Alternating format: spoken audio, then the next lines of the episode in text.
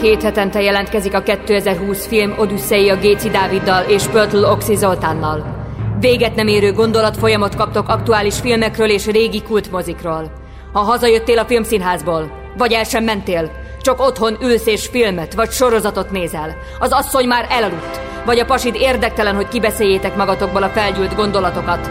Itt a lehetőség, hogy meghallgassd ezt a két fickót. Lehet, hogy tévednek, de egy biztos.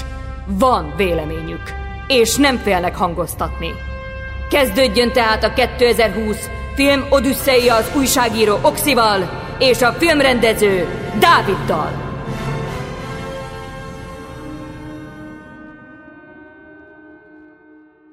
Üdvözlök mindenkit a 2020 Filmodüsszeia fedélzetén. A mikrofon túlsó oldalán a budapesti Géci Dávid filmrendező, a mikrofon innenső oldalán pedig az Esztergomi Pöltő Zoltán újságíró.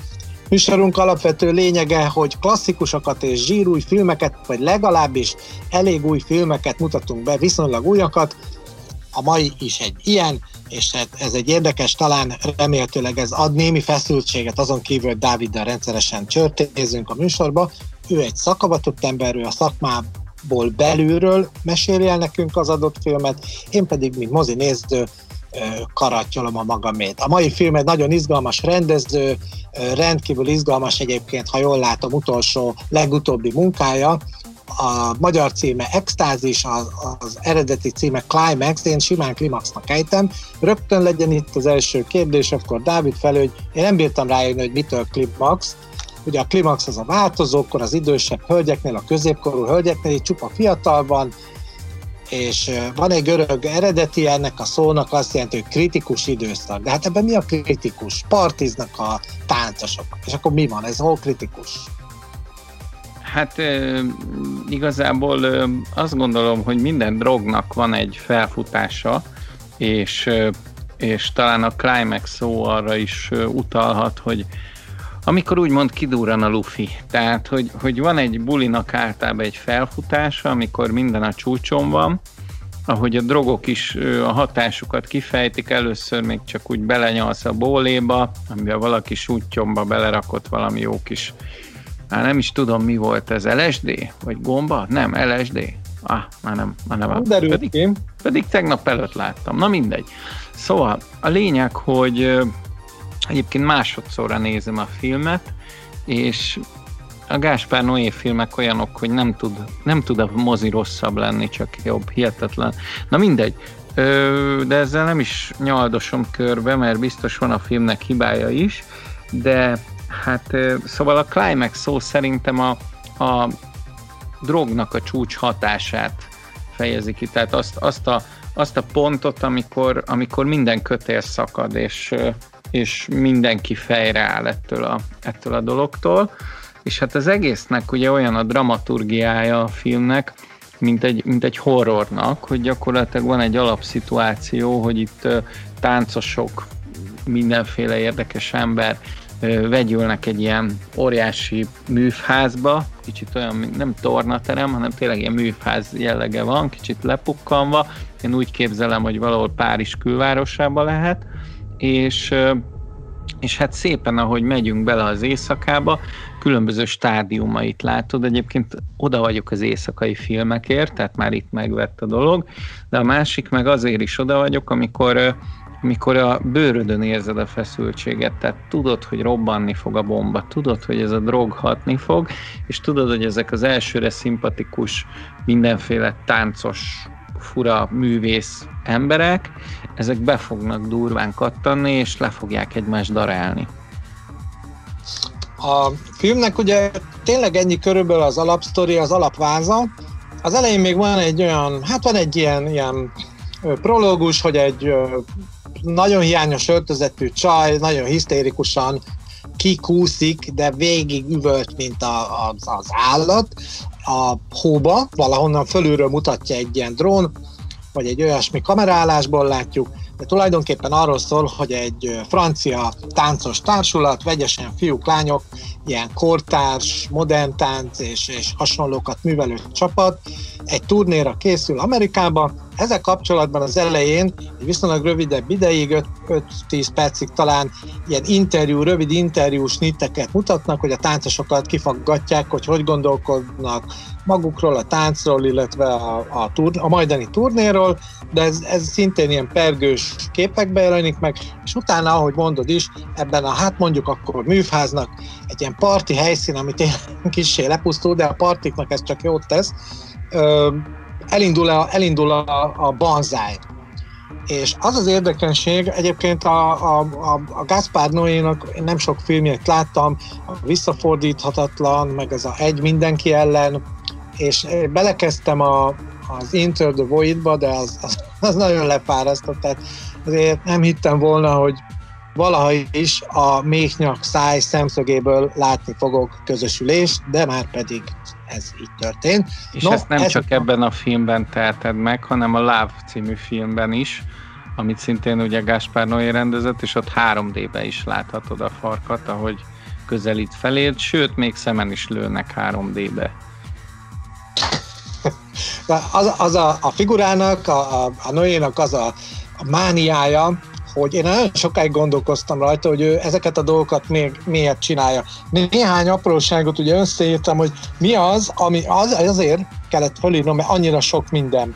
Tehát ő állandóan provokál. Ebben a filmben is nagyon sok provokáció van, ezeket szerintem most ki fogjuk tárgyalni. Mindig formabontó. Ez nagyon érdekel engem, hogy hogy vélekedsz arról, majd erre is rákérdezek, hogy a feliratokat például mikor, hogyan, milyen animációban használ, ennek iszonyú nagy funkciója van nála polgárpukkasztó, de az még nudli, de tabu döngető. Na most ugye itt előbb pontunk rá egy jó kis példát, és mindig naturalista, tehát nem, nem kenni el a dolgokat, tehát hogyha nemi szervekről van szó egy jelenetben, éppen egy szeretkezés során, akkor azokat látjuk. Nem nagyon értjük, hogy miért, hiszen a filmművészetben pont az a lényeg, hogy olyan eszközökkel bír, hogy attól akár erotikát is bőven lehet kifejezni, nem kell ilyen naturalistának, már, már pornó, sőt pornográfnak lenni.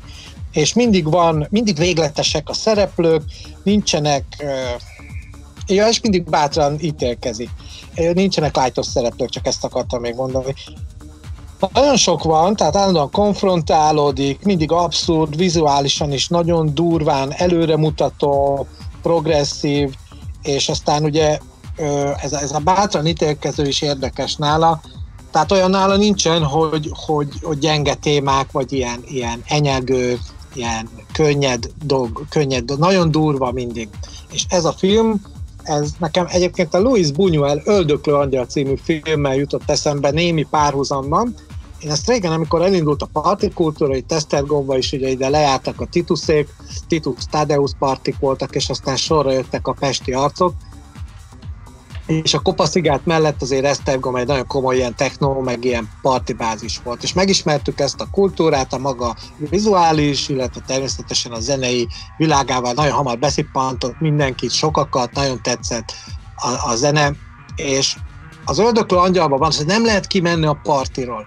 Most általában a parti kultúrá, kultúrában az van, hogy bemész a buliba, nem kell drogot fogyasztani ehhez, és egyszerűen nem tudsz onnan eljönni. Ugyanis magával ragad ez a, ez a trans állapot, amit ez a monoton zene ad, ez a repetitív uh, muzsika, és utána már ott, ott tartott ez a partikultúra, azt hiszem már a legelső időtől kezdve, hogy after partikat kellett rendezni, tehát ez nem volt, még régen úgy volt egy buli, hogy elmentél, oda mentél mondjuk 8-ra, 9-re, 10-re, és akkor évfélig ott voltál egyig, azt hazamentél. Hát itt körülbelül évfélkor kezdődtek a, a bulik.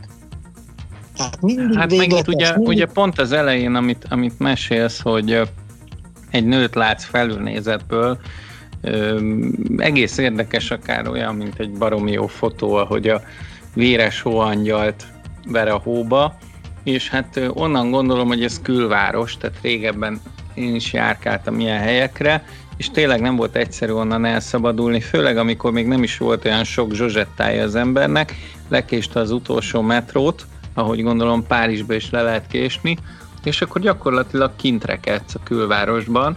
Itt be is ugrik egyébként a Visszafordíthatatlan című Visszafordíthatatlan? Hülye vagyok. A másik nagy francia rendező, ugye a, a, a, a, a Matthew Kasovic, és egy Gyűlölet című film, ahol ugye lekésik az utolsó metrót, és ott ragadnak a külvárosban. Na most itt ö, nyilvánvalóan látjuk, hogy aki ebből a buliból kikerül, azt ki is zárják a nagy fémajtón kívülre, tehát megfagysz a hóba. Ugyanis nem vagy rendesen felöltözve, zihász, jó, hogy be vagy piálva, de maximum egy órád lehet a, ott a hóba és, és kampó, ahogy ezt ugye láthatjuk is. A másik érdekesség, hogy a film, amit először Gáspár Noé forgatott, ez összesen egy órás volt, vagy talán még egy órát se ért el, és hát így nem talált forgalmazót. És akkor jött az ötlet, hogy le kéne forgatni a interjúkat, és baromi jól is, jót is tett a filmnek, ezek a személyes, kicsit ilyen francia új hullámra hajazó interjúk, beszélnek bele a kamerába, furcsa figurák, igazából felmerült bennem, hogy lehet, hogy a fele nem is színész, hanem, hanem tényleg táncos, meg, meg mindenféle fura alak, és hát ugye a film elején látsz egy olyan durva koreográfiát, egy olyan jó zenére, mm, ami, ami most remélhetőleg alattunk is szól, ami, ami így egyszerűen tényleg, nem is tudom melyik szót használtad az előbb Oxi, de ilyen hipnotikus, tehát meg azok a későbbi gépállások, amikor felülről mutatja ezeket a táncokat, ahogy googolva táncolnak, vagy brékelnek, vagy elektrikelnek, igazából másodjára is, ezt a művészmoziba láttam, de másodjára is ugyanakkora élmény volt a film. Tehát, hogy, hogy, hogy van, tud valamit a Gáspár Noé, a fényekkel, ezekkel a poppártos színeivel, amiket folyton használ, ezekkel a neonfényekkel, ezekkel a nagyon-nagyon félelmetes hangulatokkal, már-már elképzelem, ahogy ezek a beteg arcok, a David Lynch, a másik David, a Cronenberg, mondjuk egy kis Polánszki, meg egy-két ilyen figura, ezek kámba együtt bulizhatnak mondjuk Gáspár Noével, a Buenos Aires-i rendezővel, hát ott lennék a babuliba, és meghallgatnám, ahogy az ördögök sütik a pecsenyét, és ropog az olajban a cucc. Nagyon sok apró, én azt vettem észre, hogy a, a, a rendező, én egyébként simán Gáspár Noénak ejtem, te meg Gáspárnak. Igen, Gáspár nem tudom, most, most uh, hallgattam, én mindig eredeti nyelven nézem a filmeket, vagy többnyire, uh, már, régebben szinkromániás voltam, és uh, ott Gáspárnak mondták, most a, most a Lavot is néztem, és ott is Gáspár, Gáspár. Gáspár. Gáspár. Hát akkor ő egy, mondjuk azt, hogy magyar, nekem volt egy Gáspár. Noé. Hát ne, Gáspár Józsi, hát most ne, Noé, hát már. Egyébként ja, már Noé is, ugye a Noel az például már ős magyar névé vált. No, nagyon sok jelképet használ. Ugye az, hogy például betette a háttérbe a francia lobogót, ugye úgy kell elképzelni az egész filmet, ha valaki nem látta volna még, hogy van egy ilyen olyan előadó teremszerű rész, vagy egy nagy társalgó, de hát inkább ez egy előadó, onnan kihorták az összes széket, a DJ kapott egy ilyen pici kis dobogón egy nagyobb asztalt, tehát így minden készen áll arra, hogy a táncosok tudjanak akkor táncolni, a háttérbe fotelek, rekamék vannak elhelyezve, hogy aki kicsit kidőlt, az oda le tudjon pihenni, és a DJ mögött nem egy mit tudom én, milyen kép van, hanem egy gigantikus méretű francia zászló. És szerintem a, a Gáspár Noé az nem igazán egy ilyen, nem ez a magasztos figura, ő, ő egy kifejezetten liberális, hát sőt, tehát ilyen durvá, sőt, már ő tőle a liberalizmus az jobbra áll, ha ezt szabad így mondani, tehát szerintem ezt így próbáltam ezen így agyalni, hogy mi, mi a csodának rakta ki. Egyébként egy liberálisnak, sőt főleg Franciaországban, Marseille és társai, ugye a nemzeti lobogó az ugye ott valószínűleg mindenkié, tehát ott, ott ilyen kokárda ügyeken nem vitatkoznak, mint nálunk. De először azt gondoltam, hogy ez, ez egy fricska. De eznek nincs különösebb jelentősége talán ennek a jelképnek. Egyébként minden sok... filmjében van, csak mondom, Oxi, én azon hm? gondolkoztam, hogy ez ugyanolyan védjegy a Gáspár Noénál, mint a többi filmjében a, a feliratok, a francia lobogó szinte állandóan visszatér. Jó, és akkor ilyen kis ö, apró részletekre hadd kérdezzek rá, hogy például a 46. percben megjelenik, tehát az elején azért van némi felvezető szöveg, ugye a forgalmazóktól kezdve az összes cég, aki benne volt a filmbe, mint támogató, stb. A 46. percben dobja be Gáspár barátunk azt, hogy ki rendezte a filmet, ki a főszereplője, milyen zenék szólalnak meg kiktől, és hogy kik a stáb főbb munkatársai. Tehát ennek milyen funkciója volt szerinted? Ez annyira ére, tehát ott már nem az múlik, tehát például egy Jean Gabin filmbe, vagy egy bármilyen francia filmbe nem lehet, vagy akármilyen nemzetiségű filmbe, persze tök mindegy, nem lehet betenni a 46. percbe, de és nála nincs, nem ilyen kis mértéktartó stáblisták vannak, hanem külön vizuális élmény, ahogy ő bemutatja azt, hogy ez a film címe, ez a rendező, ez a főszereplő, ennek a zenét halljuk ilyen vörös alapon, de az egész képernyőt, vagy az egész mozivásznat befoglaló kiterítő betűk vörössel mondjuk, tehát fekete alapon. Aztán jön egy rózsaszín alap, ott meg citromsárga a betű, vagy fordítva, vagy fehér alapon, ilyen acélkék, de ilyen, ilyen szemet kiuggató kék, hogy ennek mi értelme van a 46. percben ledobni egy stáblistát. Azt nem megy tovább a történet.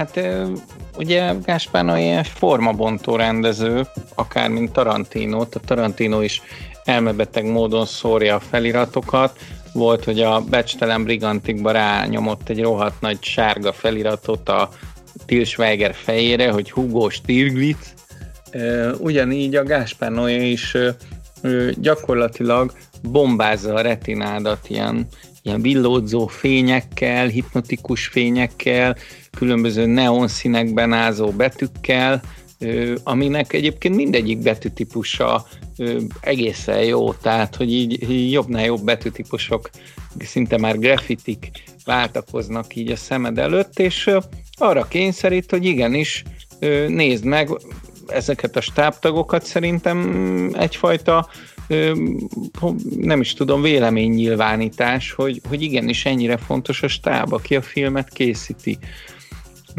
Úgyhogy ez, ez, egy, ez egy formabontó hozzáállás, és ilyen szempontból egy modernista rendező is nagyon, nagyon érdekel. Az Enter the Void-ot egyébként kicsit megvédeném, mert mert hogy annál hipnotikusabb film, tehát hogy így emlékszem, hogy amikor először láttam Kubricktól a 2001 űrűd összeját, akkor volt olyan érzésem, hogy így már úgy elengedtem, hogy filmet nézek. Hát, hogy eng- tehát így utaztam, amikor jöttek a fénymandalák, mert ugyanígy voltam a, az Enter the void hogy így távolodok, gyakorlatilag ugye úgy van ez a film felvéve, hogy meghal a, a szereplő, talán nem spoiler ezek az, az első hát nem is tudom, 20%-ában ugye kiszáll a lélek a, a drogos rácból, és utána felülnézetből látjuk, tehát mint hogyha a szellem még, még nem menne a mennyországba, vagy ki miben hisz, van, aki a reinkarnációba, de a lényeg az, hogy ez a, ez a testből kiszabadul a lélek, és, és, és így mászkál ebbe a sötét városba furcsa emberek között, és, és igazából annyi embertelenség történik mindig egy Gáspár Noé filmben, hogy, hogy már várom az emberség felcsillanását. Tehát itt nem tudom, hogy egyetértesz-e Oxi, de nekem a legdurvább élményem az az, amikor az anyuka rájön, hogy itt nagyon csúnyán fel lett kavarva a pia, fel lett löttyintve, és hát ugye a kisgyerek is, akit magával hozott a sok eszével ebbe a buliba, hát ő is beleívott a, a szülinapi bóléba, ami ugye hát enyhén halucinogén, és hát a legjobb ötletet találhatta ki, hogy a gyerekét elzárja a, a többi bulizútól, és akkor kézen fogva oda vezeti a, a magas feszültségű teremig gyakorlatilag, ahol, ahol az áramkábelek, meg minden szar van, és az ugye oda bezárja a gyereket, mert hogy ott biztonságban van, ott annak van kulcsa, onnan nem jön ki, és hát ugye ott éri a gyereket a, a climax, a rohadt nagy roham, a, a, a, a démonok, meg minden. Most na mindegy, szóval, hogy, hogy, hogy azt gondolom, hogy az annyira embertelen, annyira pokoli, ami a legtöbb filmjében van, tehát, hogy ha visszafordíthatatlant vesszük, akkor az a rész, amikor a Mónika Bellucci lemegy a, a, az aluljáróba, és jön, jön szembe Strici két kurvával, és tudod, hogy vissza kéne fordulnia az aluljáróból, mert rossz irányba ment, és már nem tud, mert már elkapják. Tehát, hogy úristen, tehát, hogy, hogy, hogy ez a rendező, ez ismeri a poklot. Ugyanúgy, hogy a Pazolini ismeri a poklot, a Gáspár Noénál, ahogy a Lars von Triernél, tudod, hogy pokol, pokoli helyzettel és pokoli figurákkal fogsz találkozni. Hát, hogy ismeri a ponkot, abban biztos vagyok, hogy nem, de ami a Földön megtehető rosszaság, és neked is talán van ilyen élményed, nem tudom, nekem volt olyan, hogy ugye, hát ez elég jellemző volt az, hogy én bírtam úgy partizni, végig gyakorlatilag a ifjúságom idején, hogy én nem fogyasztottam drogot, én sörözgentem a haverokkal, de aztán egyre többen áttértek egy másik jellegű termékre, és ettől, ettől azért nagyon átalakultak a dolgok, és abba, abba a klubba, ahova gyakran jártunk, ott ugye igazándiból nem volt olyan emberi végtermék, vagy emberi belső dolog, amivel ne találkoztunk volna. Mindenki jött. És itt is ez van, mondod ezt a jelenetet, ez nagyon-nagyon durva szint, és akkor ugye ott szétkarmolja magát az anya a hisztériájában, hogy mi lett a gyerekkel, a vasajtót bezárja, a kulcsot elveszti, és a kisgyerek folyamatosan ö, üvölti, hogy anya, anya, vagy hát segítség, aztán már csak ilyen artikulálatlan hangok. No de, egy másik részben tehát rend, miután kiderül, hogy folytassuk még a történet mesélését, egy idő múlva ugye beáll ez a klimax, egyébként beugrott egy parti kifejezés, a bad trip, ez az LSD-nél használják, amik vagy más halucinogénnél, ugye beveszik a cuccot, és általában az igazi trip bulik azok úgy működnek, hogy mindent azért előkészítenek, még akár orvost is, vagy orvosi elérhetőséget, ha netán valaki rosszul lenne. Ennek ugye a 60-as évekből származik a kultúrája, ezzel nagyon kell vigyázni, én ezért is nem fogyasztanék semmilyen drogot, mert nem tudom, hogy mi lesz a következménye, míg az alkoholnál azért elég jó kiszámítható. Ahhoz képest persze. És ez a bad trip azt jelenti, hogy átveszi a hatalmat a szer annyira, hogy nem jó dolgok, nem szép víz, víziók jönnek, meg nem kellemes élmények, hanem valami nagyon durva démoni jellegű dolog, már mint így érzi az illető, és akkor annyira beparázik, olyan félemek lepik el, hogy azt mondja, hogy nem érdekel, vigyetek el orvoshoz, oké, okay, akkor le fogok bukni a hatóság előtt, de nem, nem bírja elviselni ugye azt a stresszt, amit lelkileg ilyen víziókba kap. Hát ott démonhegyek jelennek meg állítólag, és ott nagyon rossz, és itt is ez történik. Tehát az, hogy egy, a nő szétkarmolja magát, miután ugye elkezdik vádolni illetve ő is látja, amit mondtál, hogy elkezd hatni a cucc. Na de milyen cucc? Valaki a szangriába, amit mindenki ilyen bólénak kiszik, beletett valamit. Ez a szemüveges nő az elején közlő, hogy ő csinálta a szangriát, a bólét, de nem ő rakta bele a gyümölcsborba azt a nem tudom mit. Utána van egy, azt hiszem egy muszlim srác, ő mondja, hogy bocs, nem, nem, én soha nem iszom alkoholt, de lehet, hogy nem is muszlim. Akkor őt gyanúsítják és elindul a téboly, elkezd hatni a cucc, akkor van, akit például fölgyújtanak. Ott aztán van egy ilyen kis dealer, vagy nepper csaj, és mondják neki, hogy adjál már egy kis kokain, mert kéne még pörögni, és az nincs elfogyott. És akkor csak mennek utána, nézik egy ilyen kis oldalsó folyosón, ott szépen fogyasztgat, van neki digi-dugi. Azt így neki lökik valami olyan kredencnek, ahol volt valami gyertyaláng, vagy nem tudom, és egyből így meggyullad az egész kis csaj, azt kész. De van, akit meggyapálnak, de úgy megvernek, hogy elájul, tehát így, így elszabadulnak az indulatok.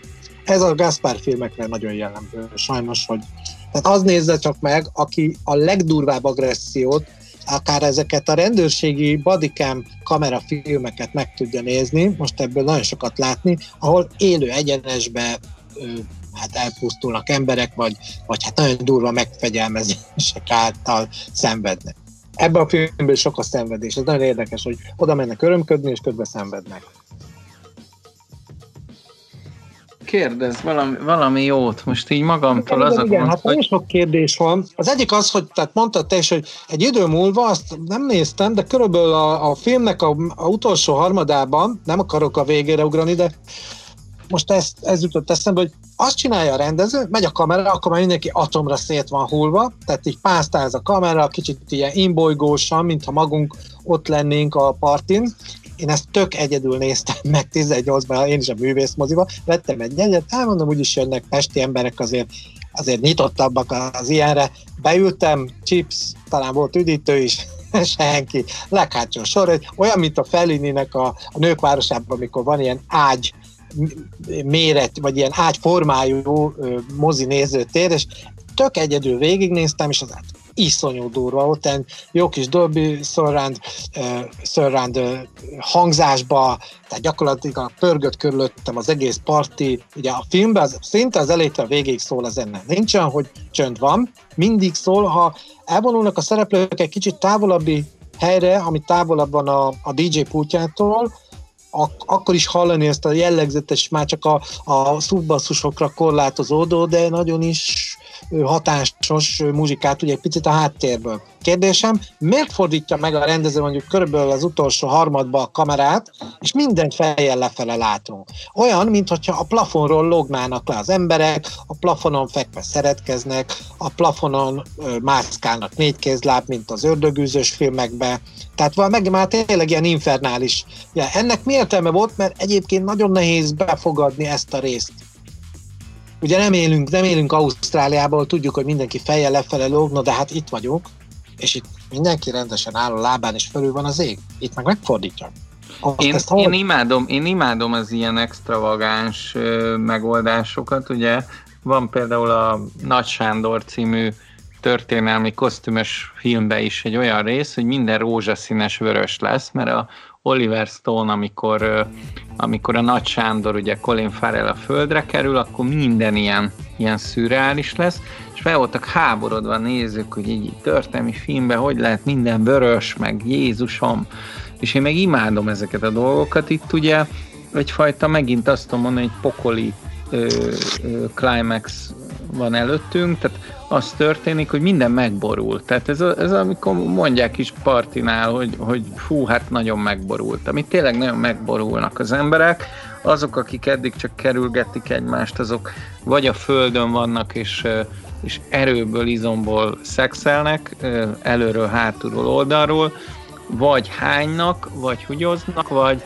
vagy, vagy, vagy csak tekeregnek mindenféle furcsa pózba, ugye hát itt, itt, itt rengeteg dolog van. A részben egy kicsit korábban, hogy mondjad, hogy kigyújtják, vagy meggyullad a haja, akkor a terhes nőt hasba rúgják, a, a, a, a csaj elkezdi szabdalni az arcát és a karját. Ez egy csomó olyan dolog, ami, aminél én, én, én úgy gondolom, hogy a rajzfilmszerű erőszakot, azt tök, tök bírom. Tehát általában egy Tarantino filmet úgy nézek végig, hogy röhögök. Viszont ezeknél így, így olyat hiszegek, hogy mint egy kígyó. Tehát hogy tényleg így, így az a helyzet, hogy így ne, nem bírom. Te oda, oda, oda bírok nézni, de nekem fáj, ami történik. És az a, az a pont, a bulinak az a pontja, amikor így, hát már nem is azt mondom, hogy beüt a cucc, hanem már tényleg mindenen túl vannak, az, az, az, az már az már egy olyan állapot, amit szerintem senkinek nem kívánsz, amikor ott véresre vakarják magukat a drogosok a földön, amikor, amikor egymást halára rúgják, amikor a saját hányásába fetreng, vagy vérébe, amikor az anya öngyilkos lesz, és felvágja a csuklóját, mert a gyerekje meghalt az áramütéstől.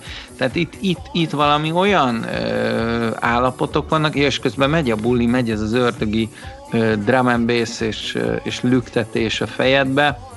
Mm, azt gondolom, hogy hogy nagyon durva. Tehát, hogy, hogy, hogyha egy ilyen trippet végig akarsz élni, és most mondják, mondhatják el a hallgatóink, hogy, hogy ez a két hülye majom miért ajánlja ezt a filmet, azt kell mondjam, hogy ugyanakkor egy szórakoztató művészfilmet nézek, tehát nagyon jók a táncjelenetek, nagyon jó a zene, persze nem ez a zenei stílus a kedvencem, de nagyon visz magával, nagyon jók a karakterek, és hátborzongató libabőrös jelenetek vannak benne, aminek hát nyilván ez, ez lesz a végkifutása egy ilyen, egy ilyen horrorszerű fejreállt állapot.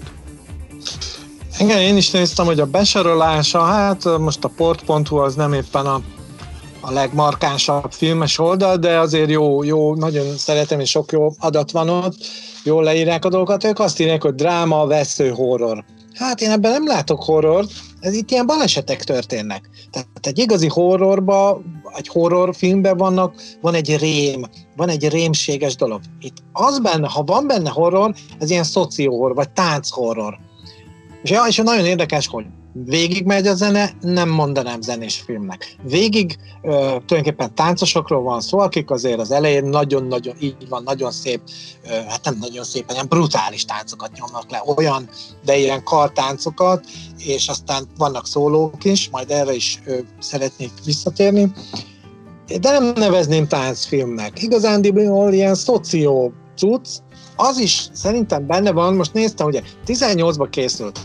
Ebbe a filmbe tulajdonképpen a anyát leszámítva majdnem mindenki, akkor olyan 20-as évei elején volt a filmbe. Ez egy nemzedéki üzenet a Gáspár tesótól, és már én egyébként, mikor mi elértünk úgy a, mondjuk a 40-es éve, évekig, ak- akkor már láttam, hogy azok, akik mögöttünk jönnek, azok nekem a nihilistáknak tűntek. Na most ez már kicsit még előrébb van, annyival, hogy ez ugye 18-as állapotot rögzít, de ez nem biztos, hogy a rendező így véli, csak én gondolom így, és őt azért mindig komolyan kell venni, ő nem, nem lacafacázik, nem, nem akar, tehát ez nem egy ilyen papapia, meg egy ilyen nem tudom milyen mamamia cucc, hogy hát ilyen könnyed, a tánc az ugye egy könnyed, a, a test mozgása bemutatja, hogy mit érzünk, hát lófasz, nem.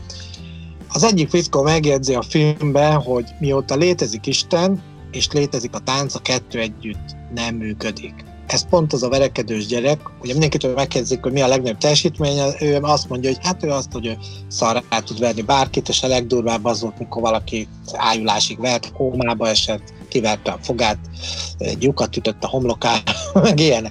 És tehát tényleg ilyen, ilyen infernális manuszok nyilatkoznak meg, meg a nők is durvák, és ugye egy nemzetközi társulatról is beszélünk, az egyik csaj ugye Berlinből jött, vannak ilyen közel-keleti származtású emberek, szerintem az arab, arab világot is képviselik ott, és ö, vannak természetesen leszbikusok, melegek, drogosok, hát ugye eddig erről beszéltünk, nagyon érdekes, ugye a bűnözők, a, a, a dealer, a, a, ez a verekedős gyerek, hogy általában mindenki elég nihilista.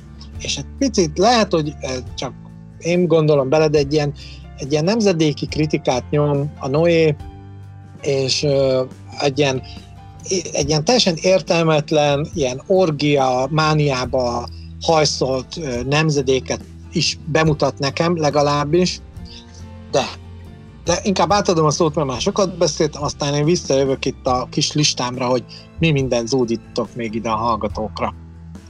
Na hát továbbra is ez az egy rákfenéje van ennek a Skype-os podcast készítésnek. Egyrészt baromi kényelmes otthon csücsülni és egymást hallgatni, meg nektek beszélni. Tök jó lenne egyszer olyat is csinálni, hogy hallgatókat is bekapcsolunk, de ez majd a jövő, amikor rádióban leszünk.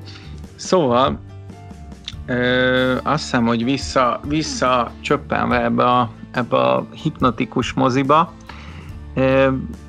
Részben szóba jött az, ugye Oxi mondtad, hogy, hogy, hogy itt van ez a, ez a zászló, de hogy, de hogy a Gáspár Noé valószínűleg egy ilyen liberális alkat, de mégis azt gondolom, hogy itt hogy az összes filmjében egyébként megjelenik a, a nacionalizmus, tehát nemrég láttam ugye a Lavot, és ott például a srác amerikai, és milyen meldöngetősen amerikai, és egy kicsit úgy a fej, fejhez, fejére is olvassa a, a francia rendőrnek a, a, a véleményét a francia társadalomról, meg erről az egész közegről, hogy itt, hogy itt mindenki mindent megtehet és hogy ez neki mennyire nem szimpatikus.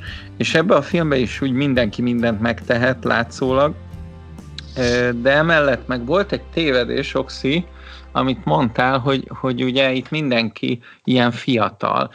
Hát azt kell mondjam, hogy pont a főszereplő lány, akit, akit én nagyon bírok, ez a Sofia Butella, ez valójában annyi idős, mint én. Tehát ő, ő most lesz 40 éves, és hát írdatlan fiatalnak néz ki, szerintem ilyen 19-20 éves csajnak nézted a vásznon, Többek között ő játszott a Star Trek harmadik részében, ő volt az a hófehér nőci, vagy a Kingsmanbe, vagy a Tom Cruise bukott filmjébe, ugye a Mumjába is ő volt a főgonosz lány. Egy nagyon karakteres arcú, nagyon jó mozgású, nagyon jó alkatú hölgy, tényleg nagyon szuggesztív, de emellett, emellett az összes figura érezhetően írdatlan jól mozog. Tehát, hogy ilyenkor rendezőként a casting az inkább úgy zajlik, hogy táncosokat castingol ki a rendező, akik tudnak játszani, nem olyan színészeket, akik tudnak táncolni. Úgyhogy itt szerintem azt csinálhatta a Noé, hogy, a, hogy maga a főszereplő ugye színész, aki megtanulta a koreográfiát, de a legtöbb figurája az táncosokból jön, illetve amatőrökből, és írdatlan jól improztatja őket. Tehát mindig azon gondolkozom a Gáspár Noé filmeknél, hogy mennyire van megírva a dialóg. Amikor látod, hogy őt smókol a két feka csávó, és beszélgetnek a csajokról, meg, meg arról, hogy, hogy, hogy ki mennyire szereti az anális szexet, meg ki nedvesen, ki szárazon.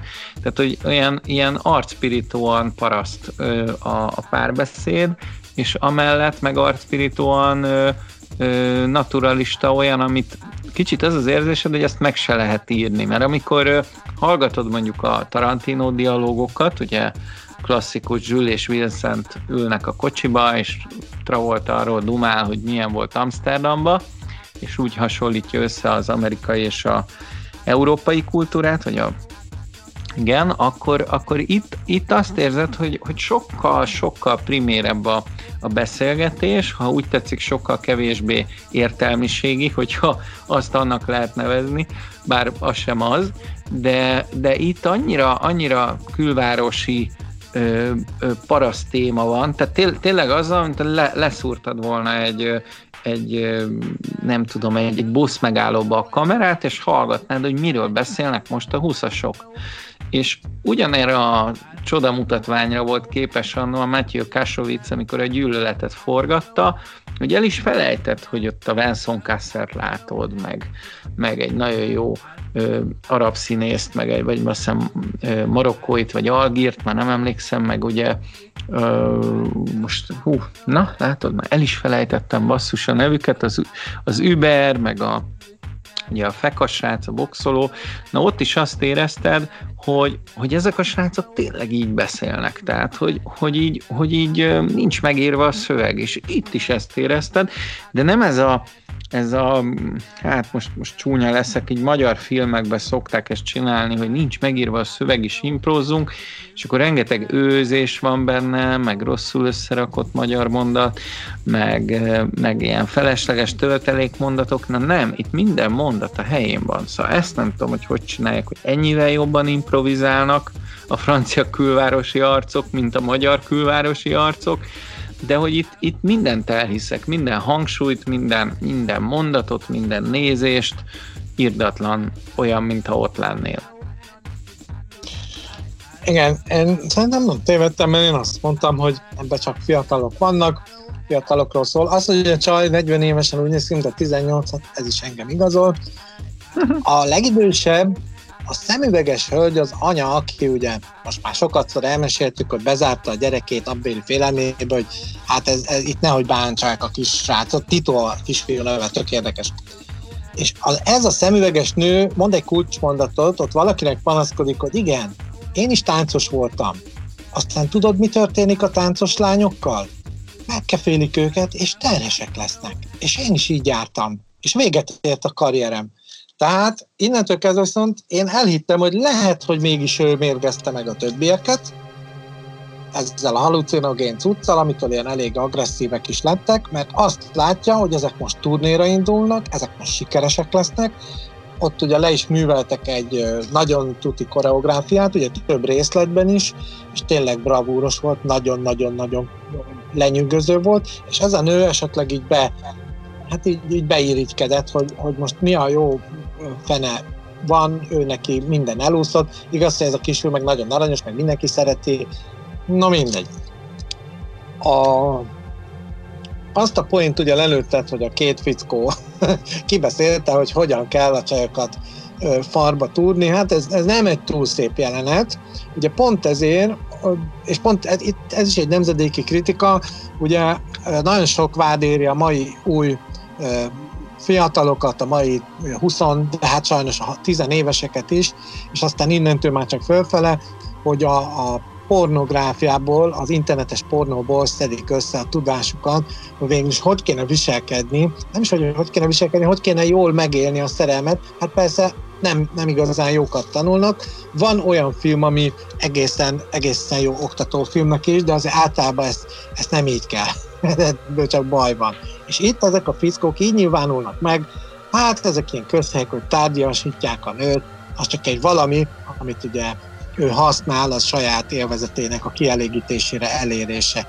De néhány szó elhangzik a házasságról, de arról is úgy beszélnek, hogy hát az igazándiból csak hátráltatja őket. Ezt azért mondjuk tudjuk ezektől a fiatal művészektől, akik színpadokon állnak, ott szerepelnek, de ugyanez a modell szakmában, a szépségiparra, na most pont egy filmrendezőnek ezt nem kell mondanom, hogy ott is lehet látni, hogy milyen az, amikor egy nő, egy, egy fiatal szép nő elindul ezen a pályán, és bejön neki az, hogy most gyermek vagy nem gyermek. Azért a magyar színésznők szerintem bátran bevállalják azt a pár évet, amíg szülnek egy gyermeket, és utána ugyanúgy csillognak, erre nagyon sok példa van, hogy tök jól vissza tudtak térni. Tehát érdekes ez a élettagadás, hogy, hogy akar, tehát az, az nem gond, hogyha valaki nem kötelező anyaságot vállalni, ez még nincs előírva, de olyan furcsa, hogy valaki így beszél róla, mert én akármennyire akarok, én, én nem, nem tudnék szülni, nem is akarok ezért.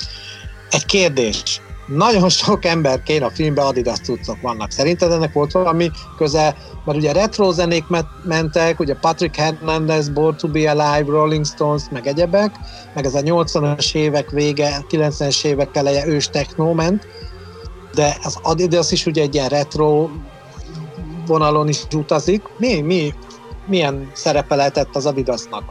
Ez is egy látványelem volt talán.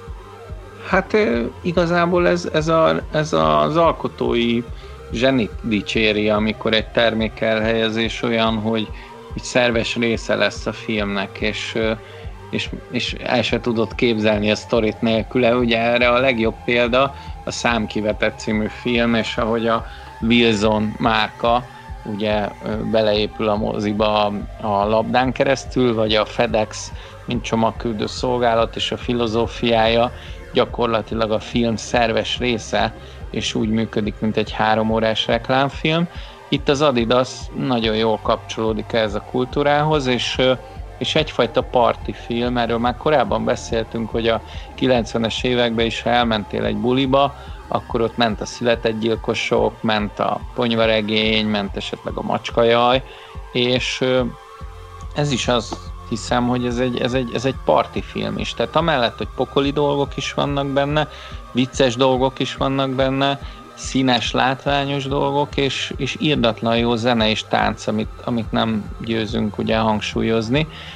Tehát a, a, hát ugye maga pompájában ez egy modern művészfilm, ami ami szórakoztató művészfilm, igazából ez mindig nagyon közel áll hozzám az olyan művészfilm, ami nem csak ö, úgymond nem csak elvesz, hanem ad is. Tehát, hogy vannak olyan filmek, amik megfacsarnak, közben szenvedsz, de, de utána olyan jutalmat kapsz, hogy, hogy órákig mozgatja az agytekervényeidet a dolog. Gáspár Noé közben is lesokkol, és közben is hipnotizál, és közben is élményanyagot ad. Úgyhogy, úgyhogy az, azt gondolom, hogy egyszerre nagyon jó nézni, nagyon jó fogyasztani, és nagyon jó utána gondolkodni is, és, és nem azt mondom, hogy ugyanannyi lesz a, nem is tudom, a, a, a szellemi töltésed, mint mondjuk egy Triernél, de vagy, vagy mondjuk egy Bergmannál, de, de azt gondolom, hogy olyan, olyan húrokat pendít, amitől tényleg feláll a hátadon a szőr. Tehát, hogy, hogy, hogy amikor, tudom én, el akarod érni, hogy, hogy a lányod, még nekem még nincs lányom, de mondjuk a lányod ne menjen este tíz után le, most egyébként se tud, de hogy este tíz után nem menjen le az aluljáróba, akkor szerintem csak meg kellene nézetni a Visszafordíthatatlan című filmet. Tehát amilyen brutális dolog történik, és most biztos egy állatnak nézel, hogy egy, hogy egy gyerekkel ilyen filmet nézetni, nem, azért azt gondolom, hogy 16 fölött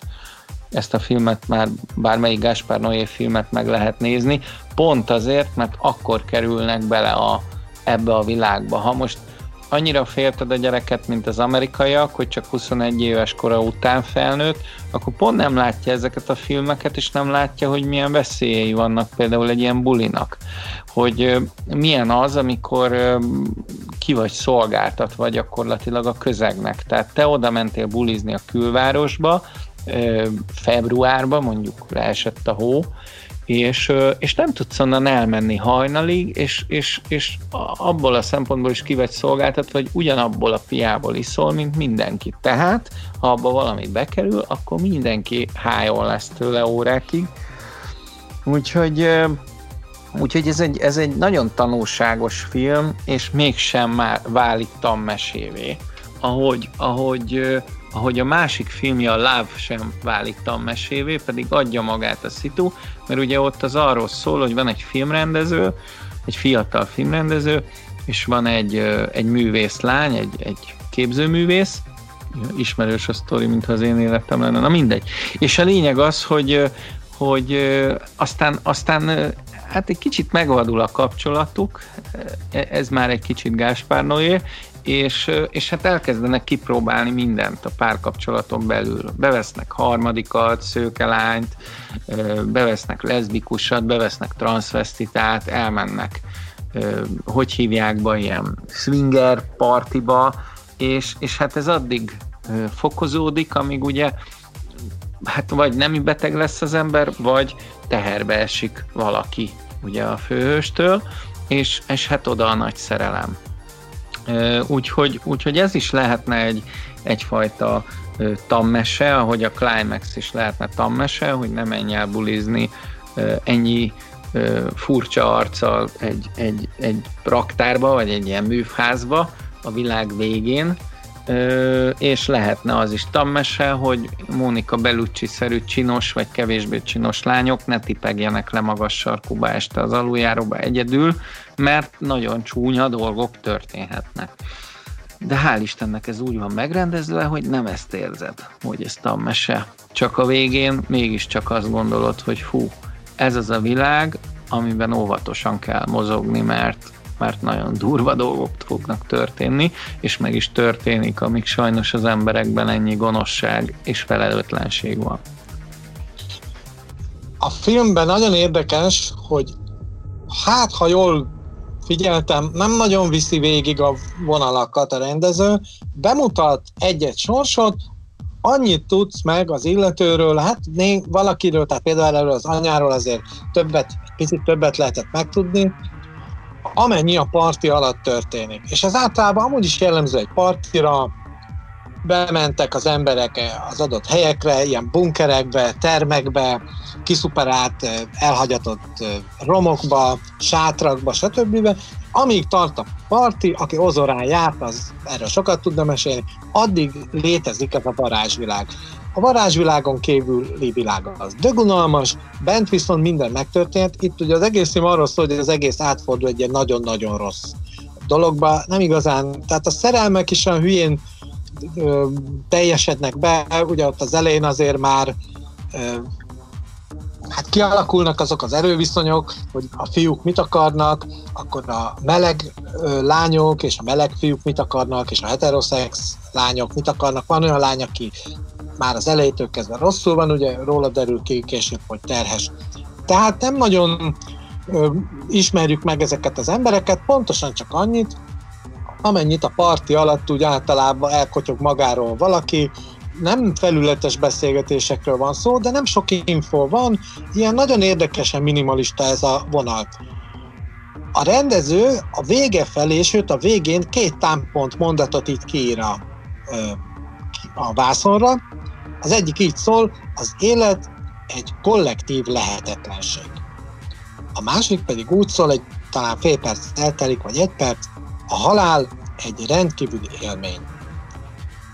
Nem tudom, hogy ezeket a végén hova lehet tenni. Azt látni, hogy a halál megjelenik a partin, valószínűleg ott azért volt, aki elhunyt. Nekem gyanús, hogy a kisfiú nem halt meg, mert aztán van egy ilyen tisztázó jelenet, Timát Péter Csinibaba című filmben van egy ilyen megoldás, hogy ott ugye rengeteg történet szálat kezel a rendező, és aztán van, hogy összefutnak a szálak, majd újra szétterülnek, különválnak, és aztán van egy olyan klippes jelenet az egyik dalbetét kíséretében, hogy ott végig mutatja Timár Péter a Csinibabába, hogy éppen este ki, hogy tesz, vesz otthon, vagy ahol éppen tart az éjszakában estében. Itt is van egy ilyen pásztázó rész, megmutatja, hogy azokat, akiket a legtöbbet szerepeltetett, sőt, majdnem mindenkit, így megmutatja a parti végén, hogy éppen milyen formát ölt, és hogy ott a legvégén bejönnek a zsaruk, és aztán jön a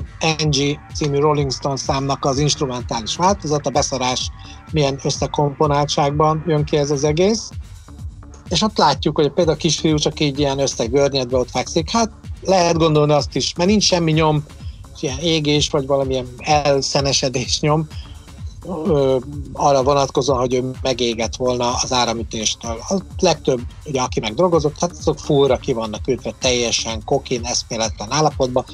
Ki a, a fiújának, barátnőjének, ki pedig fiúként a fiújának, lányként a lány barátnőjének a karjaiba, ágyba, padlón, a legkülönbözőbb testhelyzetekben. És a két felirat, ö, nem tudom, te ezeket össze tudtad-e rakni, hogy igazándiból mit akar, tehát még egyszer, az egyik így szólt, hogy az élet egy kollektív lehetetlenség, a másik a halál egy rendkívüli élmény. Ugye nekem kicsit egy ilyen nihilista, egy ilyen, egy ilyen csak az élvezeteknek, ugye ez a Joló világ nevű nemzedék, ugye ez a csak egyszer élsz nemzedék, hát figyelj, elmentem egy partira, szétcsapattam magam, érted? Hát, nagy dolog, hát felére sem emlékszem, marha jó volt.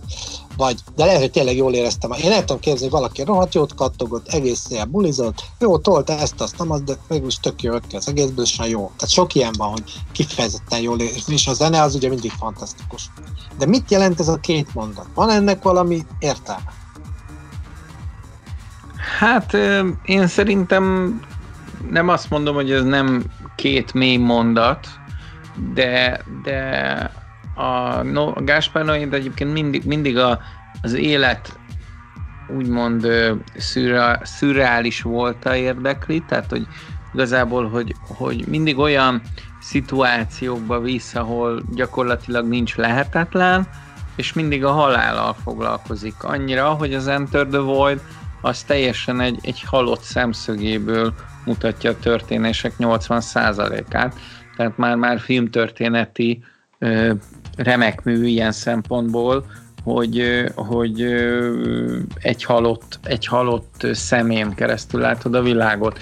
Itt azt, azt éri el, ami, ami szerintem megint fantasztikus, hogy benne vagy ebben a buliban, egy olyan buliban, amiből szabadulni akarsz, de nem tudsz.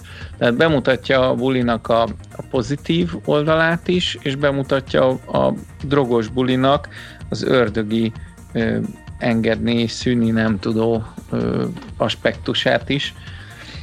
Hát igazából, igazából én ennyire tudom ezt a két mondatot ö, értelmezni, és ahogy te mondod, sokkal mélyebben nem is tudok belemenni a figurákba, mert nem, nem ismerem meg őket. Hát ugye annyival kiegészíti ezekkel az interjúkkal azért, illetve hát azt azért fejtsük már meg, hogy a szőkenő az végül is mit csinál a legvégén a szemével? Megvan a képoxi. Hát igen, az, az záró képbe ugye szemcseppet rak, és hát a parti kultúrában ez egy ismert uh, dolog. Ugye egyrészt van az eredeti gyógyászati szemcsepp, ami ugye a szárazság ellen való, és tudjuk, hogy a drogok is, de az alkohol is ugye a dehidratálást végzi el a testben, ennek orvoslására van. Ugyanakkor azt is tudjuk, hogy a különböző kábítószereket, tehát az LSD-t, a, ezt a nagyon népszerű, egykor nagyon népszerű, nem tudom most mennyire népszerű halucinogént csepp formájában, folyadék formájában is be lehet juttatni. Na most ott a csaj azért úgy beletol a szemébe egy ilyen, hát mit egy nyolc cseppet, biztos. De már folyik is ki neki, annyit tol. Én most minden reggel ugye a vírus miatt két csepp D-vitamin tolok egy kupica vízbe, és azzal lehúzom, semmilyen íze van, úgyhogy tök jó de nem, nem tudom, hát ott a tisztánlátás véget. Ugye a clairvoyance az bejön itt, a franciák híres találmánya, ami ugye átvisz a ö, valon érzékelésre. Hát lehet, hogy ez is egy ilyen szimbolikus, igen. Hát én, én, én picit máshogy látom, mert ugye az elején a szőke csaj arról panaszkodik, hogy ő ugye Németországból jött, egy kicsit olyan Brümhildenes is a csaj, és hát azt mondja, hogy igazából a borzasztó drogkultúra menekült, mert, mert hát ez a drog, ez borzalmas tud lenni, amikor valaki túltolja, és hát például az egyik barátnője az csavat csepegtetett a szemébe, és megvakult. És kiderül, hogy ez a csaj az, aki belerakta a bulin, a dzsuvát a szangriába, és ez a csaj az, aki teljesen drogos, saját maga elől menekül, és a végén ő csepegteti bele a savat a szemébe. Hát ez, ugyan, ez ugyanaz a fordulat, ez ugyanaz a fordulat, amit korábban csinált a Gáspár Noé a visszafordíthatatlanba, hogy a Venson Cassel szétveri valakinek a fejét egy poroltóval, aki látod, hogy nem az a csávó, akinek szét kellett volna verni a fejét, mert ez mellette volt, ez egy másik csávó, akinek szétverte a fejét, tehát sosem az bűnhődik, akinek kéne, és mindig az ússza meg, aki a legsúnyibban, gonoszabban bujkál az árnyékban. Nem, nem, szerintem ez nem ennyire egyértelmű. Lehet, hogy van, tehát van esélye ennek, amit mondasz, 50 százalék, vagy nem tudom mennyi, de tudjuk jól, hogy a, a, a trip alapja az LSD, az pedig ugye eszidnek, azaz savnak is szokták hívni. Most azt, hogy savat csöpögtetett a szemébe, hát Szóval oké, okay, hogy volt a filmben öncsonkítás, mikor késsel ugye elkezdi szabdalni magát ott a tömeg hatására, mert mondják neki, hogy ugye te voltál a, a, tehát hogy lettél te terhes, azt se tudod, kitől vagy terhes, te raktad bele a piát, mert ezért nem itt, nem azért, mert terhes vagy, mert egy ilyen gonosz vagy, öld meg magad, öld meg magad, és a tömeg. És akkor a csaj kezdi magát vagdosni. Na de savat belecsepegtetni a saját szemébe, de mondom, hát ezért is mondtam, hogy van ilyen, nekem nem egyértelmű. Hát meg imádja, imádja Gáspár Noé ezeket a mitológikus momentumokat, ugye a, a, a lávba is elektrának hívják a lányt. Itt, itt a saját maga megvakításáról, vagy a barátnője megvakításáról beszélő lány, aki arról áradozik, hogy, hogy ő elmenekült Berlinből, mert hogy ez mennyire drogos volt a közeg, majd látod, hogy ő a legsúlyosabban drogos, tehát ő az, aki először borul el és húgyozik a, a terem közepére, és utána a végén ő az, aki belecsöpögtet a szemébe, tehát ez azért szerintem nem véletlen, hogy, hogy erre a nőre irányul a, a rendező figyelme. Hát nem tudom, ez lehet ez is, de akkor, akkor lehet, tehát azért, hogyha mondjuk ez olyan sav, mint egy sósav, vagy akármi, akkor ennek azért már ott lett volna jele, mert a szem az baromi érzékeny, gondolom, hogyha bele cseppentenek egy csepp ilyen mérgező marró anyagot, akkor hát ott azért gyorsan van nyoma, és ezt vizuálisan is érdemes lett volna, ha már ennyire naturalista a rendező, hát nála az ennél sokkal durvább jelentek is voltak már. Igen, de én a gyereknél is, lehet, hogy én látom mondjuk sötétebben, de én a gyereknél is azt gondolom, hogy egy áramütéstől nem, nem válik valaki hamuvá. Tehát sajnos egy áramütésbe így bele lehet halni, hogy csak ott fekszel. Tehát nem kellett elszenesedni a gyereknek. Tehát én félek tőle, hogy a gyerek is meghaltotta abba a terembe, az anyja meg felpattintotta az erejét. De hát az még, az még egy, nem tudom, egy fokkal jobb, hogy a gyerek aztán felébred és árva lesz, de hát az se egy disney befejezés. Igen, ott a, a logikája az, és ez tök érdekes az ilyen befejezetlen, elvarratlan szálaknak, hogy neked kell kifantáziálni, mert az anya ugye visszament, de addigra már ő is, tehát ő is fogyasztott a bóléból, pedig ő csinálta, tehát visszament, már mondom hajnal volt, és akkor történt ez, hogy fölvágta az erét. Ugye a zsaruk itt találják meg egy ilyen brutális vértolcsában, a bezárt ajtó előtt, hogy ugye nem ment meg a kulcs, és a kisgyerek vélhetően, mert minek öli meg magát, már nem válaszolt. És ezért gondolta az anya, hogy meghalt. Ugyanis, mikor ment a parti, valamikor ugye a kétharmad része fel, egyszer csak elment az áram az egész épületbe, és ott egyből, de nem tudjuk, hogy hogyan, legalábbis nem, semmilyen logikai magyarázat nincs rá, mindenki elkezdett kiabálni a nőnek, hiszen csak a nő tudta, hogy ő bezárta oda a gyereket, meg ott még talán mondta egy másik csajnak, de már mindenki úgy be volt távol, hogy ezek nem tudtak róla, hogy ő oda az áramszekrénynél lévő ilyen helyiségbe bezárta. És elkezdtek kiabálni, hogy megég, na ebben a pillanatban megégett a Tito. Ugye így hívták a kisfiút. Ha honnan tudták? Honnan tudták, hogy hol van? Meg úgy egyáltalán. Na mindegy. Tehát, és akkor, de lehet, hogy így van, hogy tényleg, én, én nem mondtam, hogy hamuvá kell égnie, de hát van, hogy így megcsapja az áram, ugye egy ilyen ívet húz a, a, az áramcuc, és akkor átmegy a szívén az embernek, akkor hal meg, tehát a kellő amperek. És lehet, hogy egy egész pici is elég, ugye, szok, szakemberek mi nem tudom. Igen, a Gaspar Noé válogatott kínzások között végzi ki áldozatait, a szereplőit. Az elején mindenki csodaszép, egyébként tényleg gyönyörű szép hölgyek szerepelnek a filmben, a táncos férfiak is kifejezetten megnyerőek még az elején. Uram, bocsá, ott van egy kis szegény homoszexuális srác, hát az ilyen kis piros tobban, tűsarkúban, és egy ilyen nagyon, nagyon tényleg ilyen identitását kifejezetten hangsúlyozó táncot le, de az is professzionális teljesen. Tehát mindenki olyan teljességben jön el, és a legvégén ilyen tafatok tafatokban maradnak az emberek lelkileg mindenképpen, de aztán testileg is. De Jó, lehetem, hogy igazad a... van, lehetem, hogy igazad van, mert a, mert a visszafordíthatatlanba például annak ellenére, hogy szegény Mónika Belucsit hátulról ö, pakolják, a fejét is szétverik, és, ö, és mégiscsak túléli, de hát azt gondolom, hogy, hogy ott már nézőként nagyon mindegy volt, hogy túléli vagy nem, mert, mert egyszerűen én, én hát ugye sírás kerülgetett, és egy düroham, tehát tényleg el, el, elérte azt a rendező, hogy, hogy, hogy valóságnak véltem, amit láttam, és oda akartam menni neki segíteni.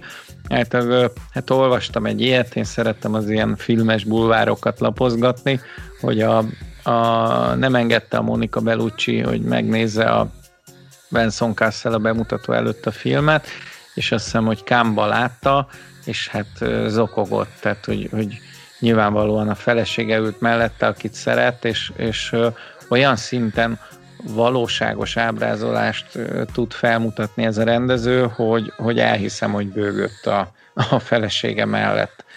Úgyhogy nagyon-nagyon-nagyon súlyos is ez a film. Amennyire könnyed tud lenni egy-egy pillanatra, ugyanannyira tud jól megtaposni. Te hanyasra értékeled ezt a mozit? Hát nálam ez már 9-es, mert itt annak ellenére, hogy teljesen igaz, amit mondtál, hogy nagyon nem ajánljuk azoknak, akik ö, hát ö, ilyen gyengébb idegzetűek, vagy fiatalok, de egy nagyon-nagyon jó film, nagyon kifejezi azt a világot, amit ezek a technopartik adnak, már amelyik nem sikerül, mert amelyik sikerül, az nem ilyen, az nagyon jó. Ott minden rendben van, ott jól működik, nagyon jók a zenék, nagyon jókat lehet táncolni, és jól érzik magukat az emberek, uram, bocsá, lehet ismerkedni is, bár Fábri Sándor szerint a hangos zenét, a hangos zene ugye ezt a lehetőséget kiiktatja.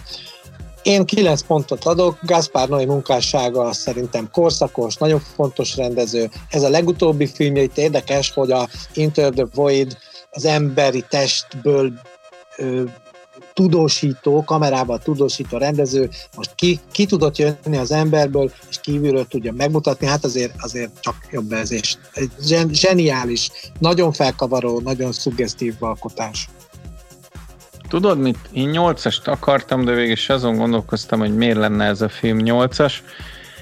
Ez a film is, és a visszafordíthatatlan is. Talán ez, ez 9-es és a visszafordíthatatlan 10-es, tehát hogy ez a, ez a két legerősebb filmje, de az Enter the Void és a, és a Love is elég jó helyen áll, azok kicsit nálam egy lejjebb levő értékelést kapnának, de hát akkor ha tudjátok, nézzétek meg a Climax-et, mert megéri, és jöhet a szolgálati közlemény. Így van. A 2020 Filmodussia podcastet nagyon sok helyen megtaláljátok, természetesen a leggyakrabban látogatott oldalakon, így a YouTube-on is, de ugyanúgy a Facebookon is fenn vagyunk, az Instagramon. Kérünk benneteket, hogyha tetszett, amit hallottatok, akkor lájkoljátok, a diszlájkokat is természetesen azért csak elfogadjuk zokogva, titokban sírva. A kommenteknek különösen örülünk, illetve annak, hogyha megosztjátok a podcastes adásunkat, ugye hát talán a, a YouTube-os videót, ha megosztjátok, annak örülünk a legjobban. Ugyancsak fönn vagyunk ilyen néven, hogy 2020 Filmodussza a Spotify-on, az Apple Podcast-en. Anyavállalatunk a Könyvkultúra Kelló magazin, amelynek címe könyvkultúra.kelló.hu, az egyik arrovatába begyűjtötte az összes eddig elhangzott podcastünket, ezt múltkor megpróbáltam megsatszolni, most már 30 fele gondolom, hogy legalább 30 darab ilyen van. Írhattok nekünk, hogyha úgy gondoljátok, hogy hosszabban szeretnétek értekezni arról, ami elhangzott. E-mail címünk 2020 filmoduszea kukac gmail.com. Goodbye!